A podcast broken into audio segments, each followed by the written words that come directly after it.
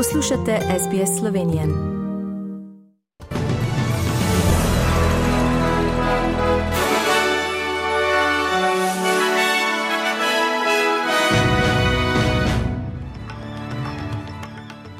V poročilih 13. augusta 2022 nekdanjega predsednika Združenih držav Amerike preizkuje zaradi možnih kršitev zakona o vohunjenju. Policija v Združenih državah Amerike imenovala moškega, osumljenega, da je zobodil avtorja Salmana Raždija in v New South Walesu odkrili tretji primer menžekokol bolezni.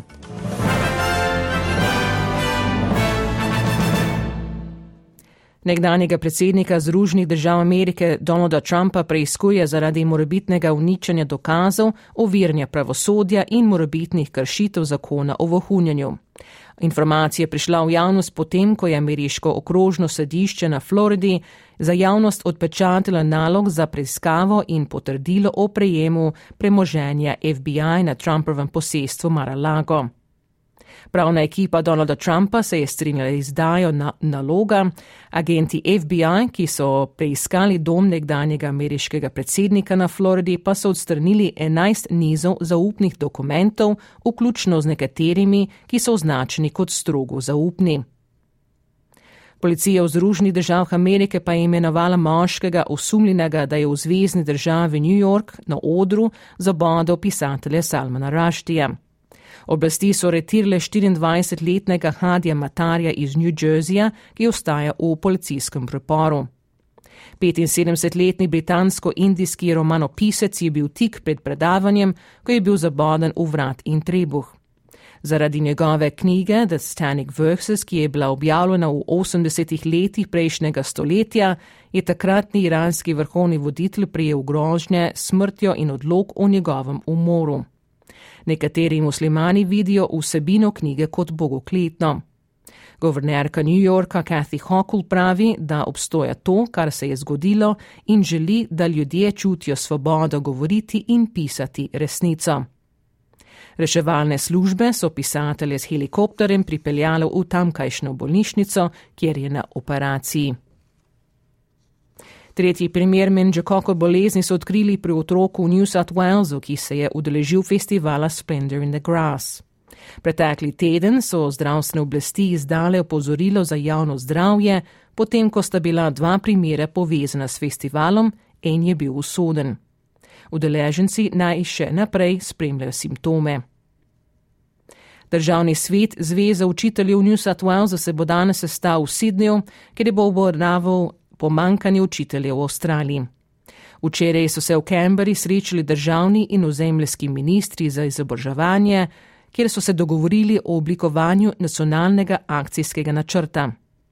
Angela Tyler je učiteljica iz Canberre in podpredsednica ACT Independent Education Union of Australia, ki je povedala, da večino tednov dela od 60 do 70 ur, ter se spominja dni učenja nadaljavo, ko je delala 18 ur.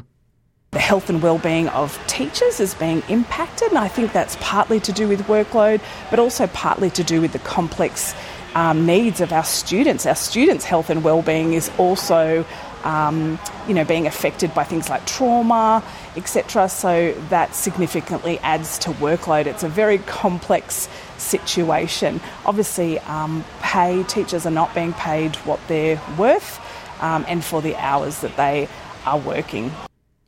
In še novici Slovenije.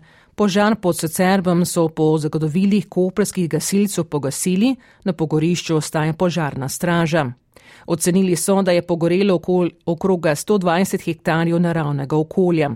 Naseli in kmetijskih površin ogen ni prizadel, je povedal Jan Brodar z Koperske gasilske brigade. Tri dni so se pod socerbom vrstile izmene gasilcev iz različnih delov države, hkrati jih je delalo do 150. Policisti si še niso mogli ogledati kraja, zato v vzrokih še ne morejo ugibati. Slovenska vlada je na ponedeljkovi dopisni seji spremenila uredbo o zagotavljanju prihrankov energije, s čimer 17. augustom vrača prispevek za energetsko učinkovito za pogonsko govoriva. Temu se je začasno odpovedala, da bi znižala cene goriv. Tako na avtocestah kot zunaj avtocestnega križa bo prispevek za dizelsko gorivo nič cela 80 evrocenta, za motorni benzin pa nič cela 73 evrocenta. Prispevek za energetsko učinkovitost je po pojasnilih eh, vlade nujno treba uvesti nazaj, ker se je s pomočjo teh sredstev financira ukrepe preko ekosklada, so po seji sporočili iz vladnega urada za komuniciranje.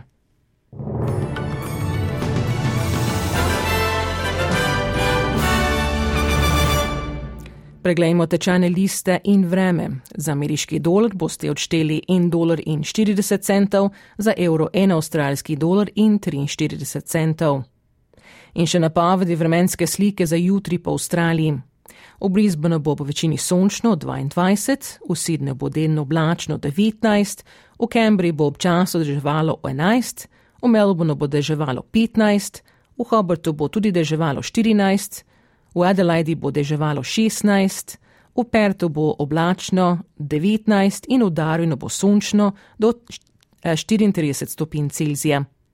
Vrmenaslovci v Sloveniji napoveduje, da bo danes spremenljivo do pretežno oblačno, z občasnimi krajevnimi padavinami, na primorskem bo ob šipki burji po, več, po večini suho.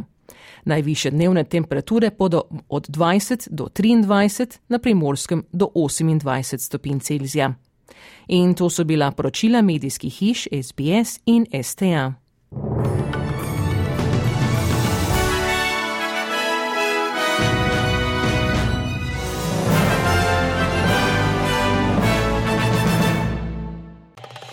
Želite slišati sorodne zgodbe? Prisluhnite jim preko Apple ali Google podcasta, preko aplikacije Spotify ali kjerkoli drugje.